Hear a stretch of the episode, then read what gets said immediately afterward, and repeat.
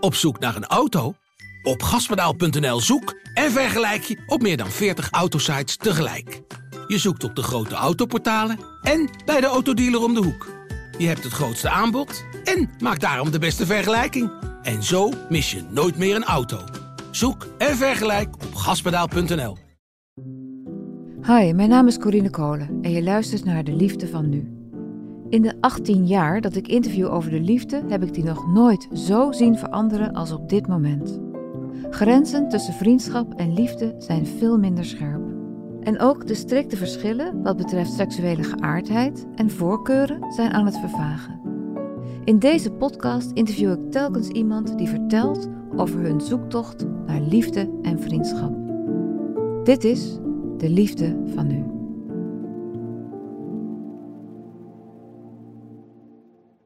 Hey Koen, Hey, leuk dat je er bent. dank je. Hoe oud ben je? Ik ben 25 jaar. 25. We gaan het hebben over jaloezie in de liefde. Klopt, ja. Dat is een raar onderwerp, hè? Want iedereen wil altijd heel erg eh, genereus zijn, juist in de liefde. Want je houdt van iemand die je gunt hem alles. En dan ineens merk je dat je, dat je eigenlijk tot je eigen ongenoeg heel erg jaloers kan zijn. Het is ook nog eens heel onaantrekkelijk. Ja. Om altijd jaloers te zijn. Waarom wil je daarover komen praten? Ehm, omdat ik een eh, hele, hele lange, ingewikkelde rare relatie eh, soort van achter de rug heb. Waarin jaloezie een hele grote rol speelde.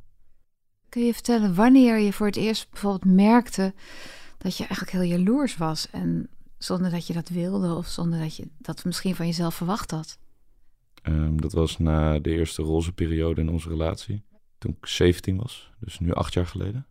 Ik was echt, echt een heel onzeker jongetje. Dus ik had heel veel puistjes. En ik was al twee jaar niet naar de kapper geweest. Ik had echt zo'n gigantische bos haar. En eh, zij heeft mij toen een keer benaderd. Ik durfde helemaal niet met meisjes te praten. Ik had echt zoiets van, wat krijgen we nou? En ik had ook in de eerste instantie helemaal niet de associatie met... oh, ze ziet mij wel zitten of zo. Ik had ook nooit een vriendinnetje gehad, hè. Dus ik, wist het ook allemaal niet, hoe dat moest. En eh, het duurde echt, wat is het? Twee maanden of zo voordat ik al een moed bij elkaar had geraapt om er een keer een kus te geven. En toen, toen ik dat had gedaan, toen merkte ik aan haar dat ze er echt al op had zitten wachten.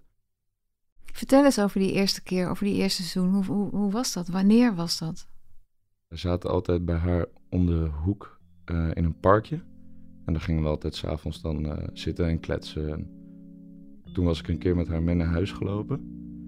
ik zat in de hele tocht naar haar huis echt van... oké, je moet het gewoon doen, doe het nou. Kom op, doe het, doe het, doe het. En toen gaven elkaar een knuffel bij haar voordeur. En toen was ze eigenlijk al een soort van uit mijn armen weer. Toen dacht ik, nee, ik ga het gewoon doen. En toen was het echt zo'n echt zo'n heroïsch moment voor mij dat ik er een kus gaf. En eh, Op haar mond. ja, op haar mond, ja, ja, ja. En eh, ze vertelde me later dat ze toen haar huis inliep en per ongeluk tegen de muur aanliep. Omdat ze helemaal met haar hoofd eh, er niet bij was. Ja, dat was echt een heel romantisch moment. Ik denk dat dat zo'n drie maanden heeft geduurd, eerste rolsperiode. Vanaf dat moment was het echt wel duidelijk dat we samen waren. We brachten ook heel veel tijd met elkaar door. Het ging toen bij mij thuis niet zo super goed en bij haar thuis ook niet. Dus we hadden ook heel veel aan elkaar. Dus wij vluchtten ook een beetje naar elkaar toe. En ik merkte ook bij mijn eerste relatie, dat was iets wat dan helemaal van mij was ook. Dat was ook wel heel bijzonder. Dat had ik ook nog nooit zo eh, meegemaakt. Ik echt onderdeel uitmaakte van iets eh, wat echt van mij was. En waar ik ook de belangrijkste persoon in was. Dus dat was wel heel bijzonder. ja. Want dat was in het gezin natuurlijk niet. Nee, nee, en in het gezin was er van alles aan de hand. Wat ehm, veel belangrijker was dan mijn problemen. Hier was dat in één keer niet zo. En dat kwam op een gegeven moment tot een einde. Ehm, omdat zij mij heel veel vertelde over haar eerste relatie. Die was vlak voordat wij samenkwamen uitgegaan. En, en dat idee dat zij voor mij een relatie had gehad. En al die dingen die ik nu voor het eerst deed met een ander had gedaan, dat kon ik gewoon niet verkroppen. Het was echt eh, pijn. Dat deed echt heel veel pijn. Wat vertelde ze bijvoorbeeld? Ah, over, over kleine dingetjes. Over, over eh, ehm, dat ze tijd met elkaar doorbracht en hoe dat eruit zag. En ook dingen waarvan ze achteraf zoiets had. Dat ik Koen nooit moeten vertellen over waar ze bijvoorbeeld eh, met elkaar naar bed waren geweest. Dat soort dingen. Bijzondere dingen die ze hadden gedaan samen. Eigenaardigheidjes van hun relatie. En ik werd er ook jaloers van, omdat ik het idee had dat ik misschien ook gebruikt werd om die vorige relatie te verwerken. Dat bleek achteraf helemaal niet zo te zijn. Maar op dat moment was ik daar echt heel eh, bang voor. Dat ging dan ook weer naar haar toe. uiten. Dus ik, ik reageerde dat ook op een bepaalde manier een beetje af. Ik was soms boos op haar. Omdat ze een relatie had gehad voor mij. Dat is natuurlijk verschrikkelijk raar om daar boos over te zijn. Maar heb je ook gezegd tegen haar van ik, ik vind het eigenlijk heel vervelend om te horen en ik hoef het eigenlijk niet te weten? Nee, nee, want ik had ook nog niet zulke goede communicatieve skills. ik was ook pas 17, dat was mijn eerste relatie. En ik wist ook gewoon niet zo goed hoe ik ermee om moest gaan. Dus het waren een heleboel van die passief-agressieve uitingen. Uh, uh, bijvoorbeeld heel lang niet reageren op de telefoon. Of uh, naast, naast haar in bed liggen en dan niks zeggen en dan ervan uitgaan dat ze wel snapt dat ik boos ben.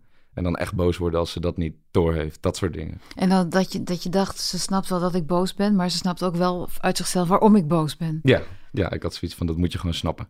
En uh, dat je dat niet snapt, kan ik me niet voorstellen. Want voor mij was het was zo groot in mijn hoofd. En ik denk dat het voor haar ook wel gewoon een stuk minder heftig was. Um, al die verhalen die ze mij vertelde en zo. Misschien dacht ze wel, hij wil me graag leren kennen, dus ik vertel gewoon ook mijn geschiedenis. Ja, kan ik me heel goed voorstellen. Ja. ja. Dat doe ik nu ook bijvoorbeeld als ik een nieuw meisje leer kennen. Dan praten we ook over vorige relaties en zo. Alleen op dat moment, ja, die, al die gedachten, die had ik gewoon niet. Dus ik had alleen maar zoiets van, oh, ze zit nog met hem in zijn hoofd. En ik ben een soort van afgezwakte versie van die relatie. En, um... Heb je het idee dat je daarmee um, jullie relatie uh, stuk gemaakt hebt? Ja. Het leidde ertoe dat ik en daar kan ik me nog steeds zeggen voor mijn kop voor slaan. Maar ik dacht toen bij mezelf, deze relatie, ik heb daar veel verdriet van. Want ik was ook vaak verdrietig en boos. En uh, ik had daar last van. En ik dacht bij mezelf, niet zo bewust hoor, dus het was niet. Maar als ik het er toe moet terugleiden, dan had ik misschien toch iets bij mezelf. Ik zou dit ook wel met iemand anders kunnen, maar dan zonder al dit gedoe en al dit gezeik. En um, omdat ik ook nog helemaal geen referentiekader had voor hoe liefde is, omdat het mijn eerste liefde was. Toen ging ik ook bijvoorbeeld met andere meisjes proberen te praten en zo. Want dat had je daarvoor nooit gedaan? Nee, en nu had ik wel een soort van zelfvertrouwen en, en um, in ieder geval meer dan toen ik 17 was. Toen dacht ik bij mezelf, nou, ik ben misschien eigenlijk wel gewoon een leuke jongen. En Want over welke leeftijd hebben we het nu, een jaar later of zo? Ja, zoiets. Mm -hmm. ja, ja, En dus toen ging ik met andere meisjes praten, het, wel terwijl ik nog samen was met haar ook. En um, soms ook wel eens met andere meisjes afspreken. En, en daar werd zij op haar plaats weer heel onzeker en jaloers van. En zo heeft die relatie van ons zich in het begin om het thema jaloezie heen gewikkeld. En daar is er nooit meer echt uitgekomen over al die jaren heen. En ging het dan uit? Of? Ja, ik heb het op een gegeven moment een keer uitgemaakt. Het is zo kinderachtig allemaal. Maar toen dacht ik ook bij mezelf, ah shit. Uh, ja, dit is echt een hele slechte keuze geweest. Dat had ik niet moeten doen. Omdat ik ook merkte dat, dat met die andere meisjes dat dat, dat ook niet was. En, en dat ik ook niet zomaar op hun zo verliefd kon worden als dat ik op haar was geweest. En dat was een hele rare tijd ook in mijn leven dat ik... Uh, ik wist echt bij God niet waar ik mee bezig was allemaal. Toen zijn we weer na een tijdje bij elkaar gekomen. Op wiens initiatief was dat? Dat was op mijn initiatief. Ja, dat was op mijn initiatief. Toen was het eigenlijk weer een paar weken, twee maanden misschien echt leuk en echt goed. Zonder jaloezie? Zonder jaloezie. En toen kwam dat vanzelf weer terug. En dat is eigenlijk tot op de dag van vandaag zo. Is wij, wij houden verschrikkelijk van elkaar zoals we zijn als we niet samen zijn. Um, en op het moment dat we elkaar dus na een tijdje weer ontmoeten, dan zijn we die versie van onszelf weer. En dan zien we dat weer in elkaar terug en dan hebben we het echt leuk samen. Dan, dan, dan is het gezellig en dan kunnen we echt dagen een stuk met elkaar doorbrengen. En na verloop van tijd vervallen we gewoon vanzelf weer in dat gedrag. Maar je wil zeggen dat je nog steeds een relatie met haar hebt? Uh, nee, het is. Um, wat er dus gebeurd is, waarom ik oorspronkelijk dit gesprek ook wou voeren, is dat er een jaar geleden. Toen um, waren we voor het laatst echt serieus samen geweest. En, een jaar geleden, dus, dus toen je 22 was? Uh, vier, uh, 23. 23, ik ben ja. Oh ja, ja. Oh, sorry. Ja. Helemaal niet uit. Ja. en toen hebben we echt een goede, serieuze relatie gehad. Waarin en wat versta je daaronder? Een goede, serieuze relatie. Um, dat we niet meer de hele tijd dit soort spelletjes aan het spelen waren met elkaar. Wat waren die spelletjes dan? Ja, dat trekken en dat duwen omtrent dit, dat hele thema van jaloezie. Dus, dus uh, uh, passief-agressieve sneertjes naar elkaar maken. Of uh, bijvoorbeeld in elkaars telefoons kijken, dat soort dingen. Deze laatste relatie die we hebben gehad, daar hebben we echt, echt ons best voor gedaan. En, en dat is uiteindelijk toen stuk gelopen. En toen zijn we wel gewoon contact blijven Maar onderhouden. hoe is dat stuk gegaan dan? Dat is op een gegeven moment stuk gegaan, omdat ehm, op het moment dat wij dus die relatie hadden, echt die serieuze relatie, na zeven jaar drama en gedoe, merkten we eigenlijk dat het helemaal niet zo goed paste. Dat we eigenlijk helemaal niet zo goed bij elkaar pasten. Waarom niet? Omdat, omdat wij hele andere manieren van communiceren hebben met elkaar. En dat was heel gek om te merken, omdat we zo lang om elkaar heen hadden zitten draaien, zeven jaar lang. Ehm, echt met dat verlangen naar elkaar en dan weer het afwijzen, het duwen en het trekken en de drama. En toen al die drama weg was, waren we alleen nog met z'n twee over. En toen keken we elkaar eens goed aan en dachten, we, dit werkt eigenlijk helemaal niet. Het was een heel raar moment. Mijn ouders die gingen toen uit elkaar. Dus dat was een onrustige periode in mijn leven. En, en zij merkte dat ik me afsloot. Dat gaf ze ook aan. Van ik, ik merk gewoon dat je niet met me praat. En ik wil graag weten hoe het met je gaat. En zij zat een soort half voor zich uit te kijken ook. En toen waren we dat gesprek aan het voeren. En, en op een gegeven moment flap, vloepte het echt bij mij eruit. Het was niet eens een soort van doordacht. Ik heb een paar weken de tijd genomen om er eens goed over na te denken. Met vrienden erover gepraat. Eh, en ik ben tot de conclusie gekomen dat ik het uit wil maken. Maar het was echt een... Ik denk dat we uit elkaar moeten gaan. En zij keek mij echt zo aan wat zeg jij nou? Toen zei ik van, ja, maar dit werkt toch helemaal niet? En toen hebben we daar goed en lang nog over doorgepraat. En dat was eigenlijk prima. Voor mij in ieder geval. En voor, voor haar volgens mij ook. Ik had in ieder geval het idee dat ze wel snapte wat ik bedoelde. En, eh, en dat ze daar ook wel vrede mee had. Al had zij wel meer de best willen doen, denk ik, voor die relatie dan ik. En toen zijn we dus uit elkaar gegaan. En toen hebben we wel gewoon contact onderhouden. Omdat we elkaar al zo lang kenden. En, en dat contact, dat verliep eigenlijk heel goed. Eh, dus we werden een soort van vrienden. Want hoe veranderde het contact? Hoe, wat, is het, wat is het verschil tussen het contact die, dat je hebt samen, behalve dan de frequentie, Ja. ehm, tussen als je, als je een relatie hebt en als je gewoon vrienden be- bent, in jullie geval? een relatie, of in ieder geval onze relaties, waren altijd heel binair. Dus het was altijd, we zijn samen of we zijn niet samen. En een vriendschap, of in ieder geval een vriendschap die ik dan met haar had, is dat veel minder. Dus je hebt veel minder de dreiging, ik ga bij je weg als je dit of dit niet doet. Het is veel ehm, vrijblijvender in die zin. Dat je ook minder macht over elkaar hebt, in een zekere zin. En dat, dat werkte bij ons gewoon heel goed. Ehm, dus zij zei ook dingen dat ik zei, ja, maar dat deed je nou nooit in onze relatie. En dat, Wat dan? ja, gewoon had ze eh, eh, gewoon iets grotere mond of zo. Zei ze soms tegen mij dat ik gewoon mijn grote mond dicht moest houden. En dan zat ik echt kijken van, nou... Ja, nou, ja, als ze dat in onze relatie had gezegd, dan weet ik niet of ik, daar ook, of ik dat ook zo grappig had gevonden. Maar nu vind ik het heel grappig dat ze dat doet. En Want je voelt je niet meer verantwoordelijk ook voor een ander. Is dat het ook? ja, dat is het misschien ook. En dan, en dan werkte dat contact tussen ons veel beter ineens. Dat werkte eigenlijk best wel goed. Ja. Had dus eigenlijk heel erg goed uitgepakt. Het begon met, met die roze wolk, toen kreeg je Ja. die krankzinnige jaloezie. En ineens Ja. kwam je tot de ontdekking dat die vriendschap tussen jou en haar veel beter was. Ja. Ja. Maar er is nog meer. Ja, toen is met een van mijn allerbeste vrienden naar bed gegaan. Dat is zo gegaan dat hij, nadat wij uit elkaar waren gegaan, naar mij toe is gekomen. En zei, Koen, eh, vind jij het erg als ik wat met haar ga drinken? Want eh, we hebben elkaar veel gezien. Want we hadden een relatie tijdens dat het corona was. Dus we zaten veel bij mij. Er waren vaak feestjes bij mij. Dus al mijn vrienden kenden haar ook heel goed. En ik had daarbij zoiets van, nee, dat, dat snap ik. Het is geen probleem, natuurlijk, doe dat maar.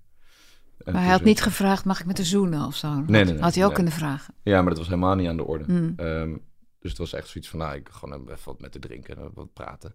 Toen zijn ze een kopje koffie gaan drinken. En dat was leuk. En toen zijn ze daarna nog een keer wat gaan drinken. En toen de derde keer, toen is hij met haar mee naar huis gegaan. Toen hebben ze, hadden ze ook wat zitten drinken. En toen zijn ze met elkaar in bed beland. En ehm, toen is hij kort daarna naar mij toegekomen. Hij zei, ben je thuis? Dan kom ik even een kopje koffie drinken. Toen zei ik, ja, tuurlijk, kom maar binnen. En dus hij kwam langs en ik was koffie aan het zetten. En ik merkte dat hij heel ongemakkelijk aan het doen was. En eh, toen, toen liep hij naar me toe en zei. Koen, ik moet je wat zeggen. Eh, ik ben met haar naar bed geweest. En ik registreerde het in eerste zin helemaal niet. Ik had zoiets van, nou ja, oké, nou ja, is goed. En dus ik ging verder met koffie zetten. En toen dacht ik, wacht eventjes. En toen werd ik verschrikkelijk boos. Echt, echt verschrikkelijk boos. En toen heb ik heel onaardige dingen tegen hem gezegd. Wat dan? Ehm, nou, ik heb een half uur tegen hem staan schreeuwen. Ik, ik heb hem eerst heb ik hem het dak opgestuurd, want er waren nog wat vrienden van mij. Dus ik ga maar weg. En eh, toen heb ik met mijn moeder gebeld. toen zei ik, mam, er is nou wat gebeurd. en eh, toen heb ik nog een goede vriend van me gebeld, want ik wist echt niet waar ik het zoeken moest. Wat verweet je hem? in die, op dat moment verweet ik hem eigenlijk niks, behalve gewoon dat ik verschrikkelijk boos was. En, en het was echt gewoon een emotionele reactie op wat hij mij verteld had. En ehm, toen heb ik hem terug naar beneden geroepen. En toen heb ik tegen hem gezegd, ik hoef niks meer met je te maken te hebben. En uh, pak je zooi en ga mijn huis uit. En ehm, toen heb ik haar opgebeld toen hij weg was. En zij wist niet dat hij het mij zo snel zou vertellen. En toen had ze mij in één keer uh, aan de lijn hangen. Toen ik helemaal gek geworden. En uh, toen zei ik van, ja, wat dacht je en wat wil je er precies van? En dat wist zij ook allemaal niet precies, want het was gewoon gebeurd. Het was niet een soort ver doordacht ding dat ze gepland hebben om dat te doen met elkaar. Helemaal niet. En uh, toen heb ik nog één keer met haar afgesproken. Toen heb ik ook echt verschrikkelijk onaardige dingen tegen haar gezegd. Want ik was zo boos. Wat heb je gezegd? Echt dat ik, dat ik er echt een slang vond. En uh, echt dat soort dingen. Dat je echt denkt, hoe haal je het in je hoofd om zulke dingen tegen iemand te zeggen? Ja, want jullie hadden al lang niks meer. Jullie waren vrienden. Nee. En, en het, het, het, ik heb er ook nog veel over nagedacht. Over waarom vond ik dit nou zo erg? Want ik, in theorie vind ik dit helemaal niet erg. In theorie heb ik echt zoiets van, ja, nou ja, kan gebeuren, weet je wel. Het was niet handig, ik vind het niet handig, maar het is niet een reden om zo verschrikkelijk boos op iemand te worden. Daar heb ik achteraf ook nog vanavond veel over na zitten denken. Dat ik dit. Ik heb ook andere relaties gehad. In de. Tussen de gaatjes van deze relatie door. En uh, ik ben nooit jaloers geweest over dit soort dingen. Ik heb het ook nooit erg gevonden bij iemand, alleen bij haar. Wat zegt dat? Ja, dat er toch iets speciaals aan is. Dus dat er toch iets aan die relatie is die. Uh, dat er iets aan die relatie is wat uniek is voor die relatie. Dus ik, ik denk dat er wel bepaalde ziekelijke patronen in, in ons contact zijn geslopen. Die, die uh, automatisch bij mij worden opgeroepen als ik tijd met haar doorbreng. Als ik veel tijd met haar doorbreng. Jij bent niet een jaloers iemand. Nee. Maar hoe weet je dat? Ja, ik heb drie andere relaties gehad. En uh, eentje die duurde ongeveer anderhalf jaar. En de andere ook allebei ongeveer een jaar. Hé, maar wanneer was dat dan? In die gaatjes, maar er waren ja, best grote gaatjes. Door. Ja, het waren redelijke gaten hoor. En, en die relaties waren dan ook raar, omdat zij toch altijd op de achtergrond wel een soort rol speelde. Uh, of altijd in mijn achterhoofd zat. Uh, uh, maar ik heb toch wel tijd en, en moeite en, en, liefde geïnvesteerd in die relaties. En ik heb daar gewoon nooit een gevoel van jaloezie bij gehad. Maar was, waren dat wel grote liefdes? Ja, dat waren vrouwen die ik echt verschrikkelijk leuk vond. Ja, ja maar dat, dat, toch speelde dat echt geen enkele rol. Nooit. Nooit op feestjes of zo jaloers geweest. Dat ik zag dat ze met iemand anders danste of zo. Dat helemaal niet. Terwijl je dat met haar, met dat andere meisje wel gehad had. Ja, ja ik ben van mezelf best wel zelfverzekerd. Zeker de laatste jaren. Um, en ik zit redelijk goed in mijn vel. Veel meer dan vroeger. Uh, alleen bij haar heb ik het gehad. En ook bij haar, alleen bij haar heb ik echt dat, dat, dat, die bittere jaloezie, dat heb ik alleen bij haar gevoeld. Dat verstikkende eigenlijk. Ja, dat je in bed ligt en niet weet waar je het moet zoeken. Dat, uh, dat heb ik echt alleen met haar gehad, ja. Ja. En dat maakt het ook bijzonder. Maar dat is ook wat ik eerder zei, dat die negatieve emoties... Ik vond het vervelend dat die andere vrouwen dat niet bij mij opriepen. Want dan had ik bij mezelf van, ah ja, dat zal wel meevallen dus, deze relatie. Want ik, ik heb geen zin om een gat in de muur te slaan en, en in de telefoon te kijken. Dat was heel raar.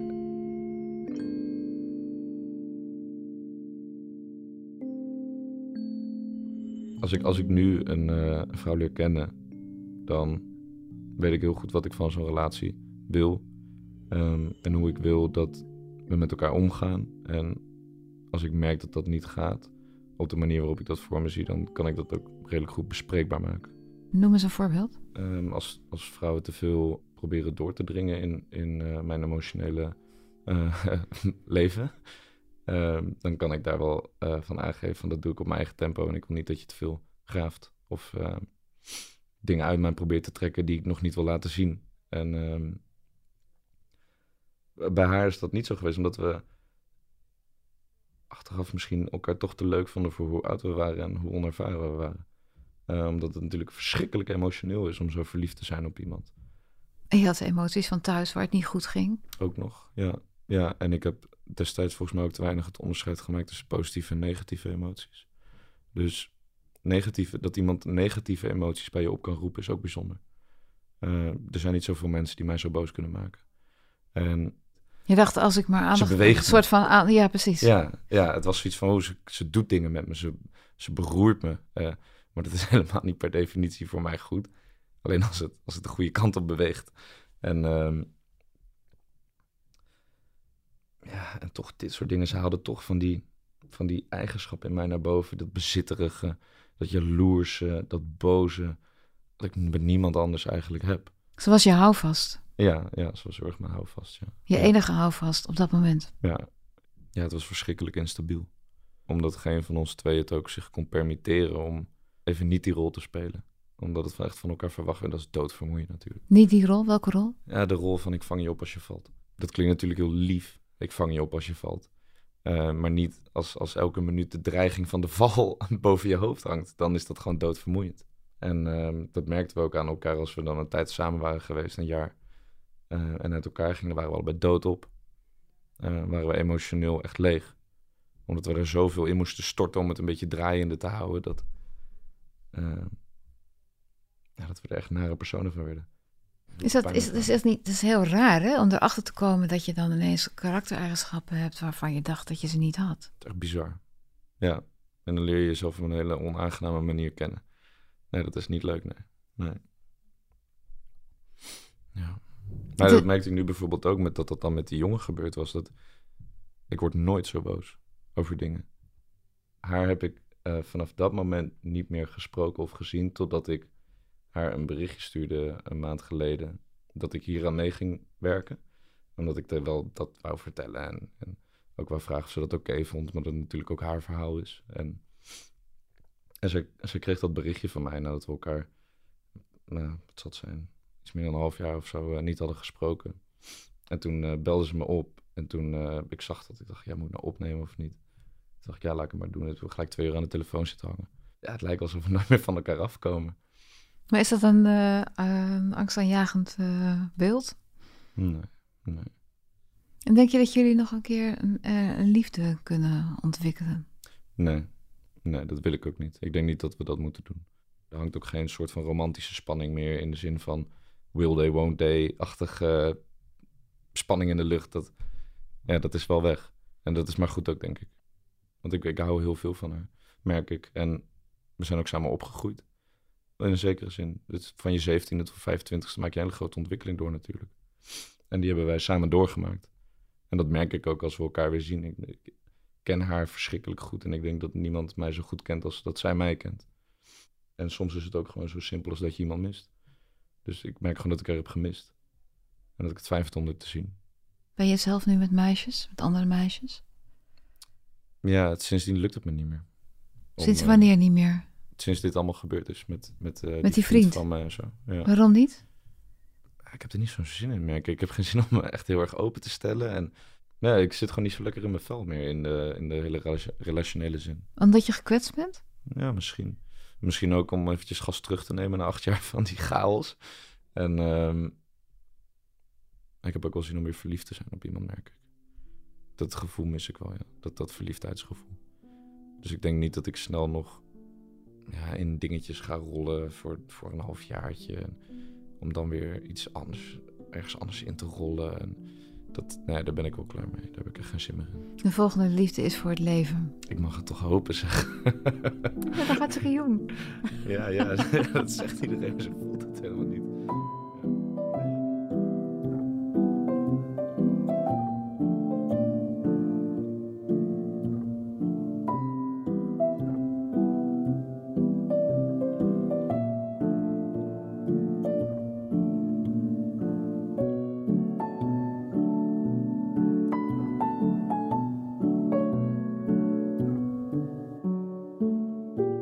was De Liefde van Nu. Wil je reageren of met mij in contact komen? Mail dan naar deliefdevannu@volkskrant.nl. Mijn naam is Corine Kolen. Ik maak deze podcast samen met Mona de Brouwer, tevens editor. Eindredactie en coördinatie is van Corinne van Duin en de begin- en eindmuziek is gemaakt door Juriaan de Groot. Dank je voor het luisteren.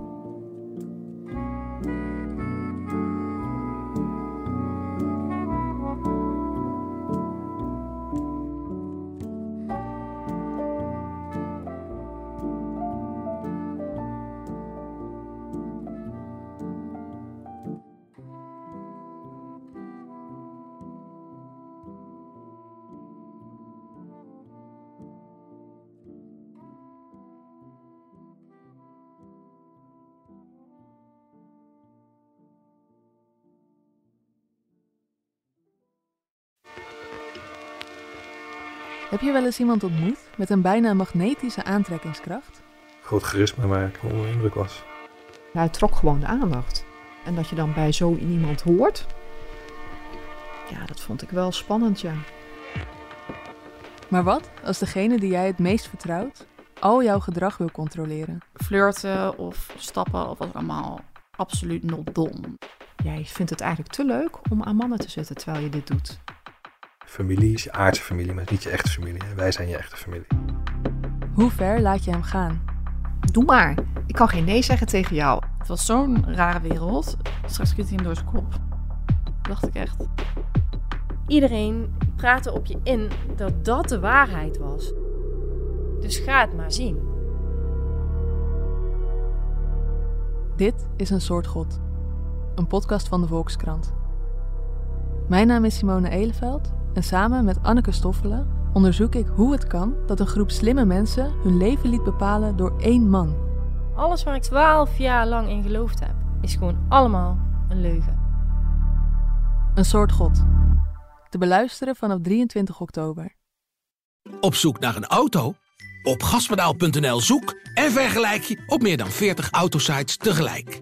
Je zoekt op de grote autoportalen en bij de autodealer om de hoek. Je hebt het grootste aanbod en maakt daarom de beste vergelijking.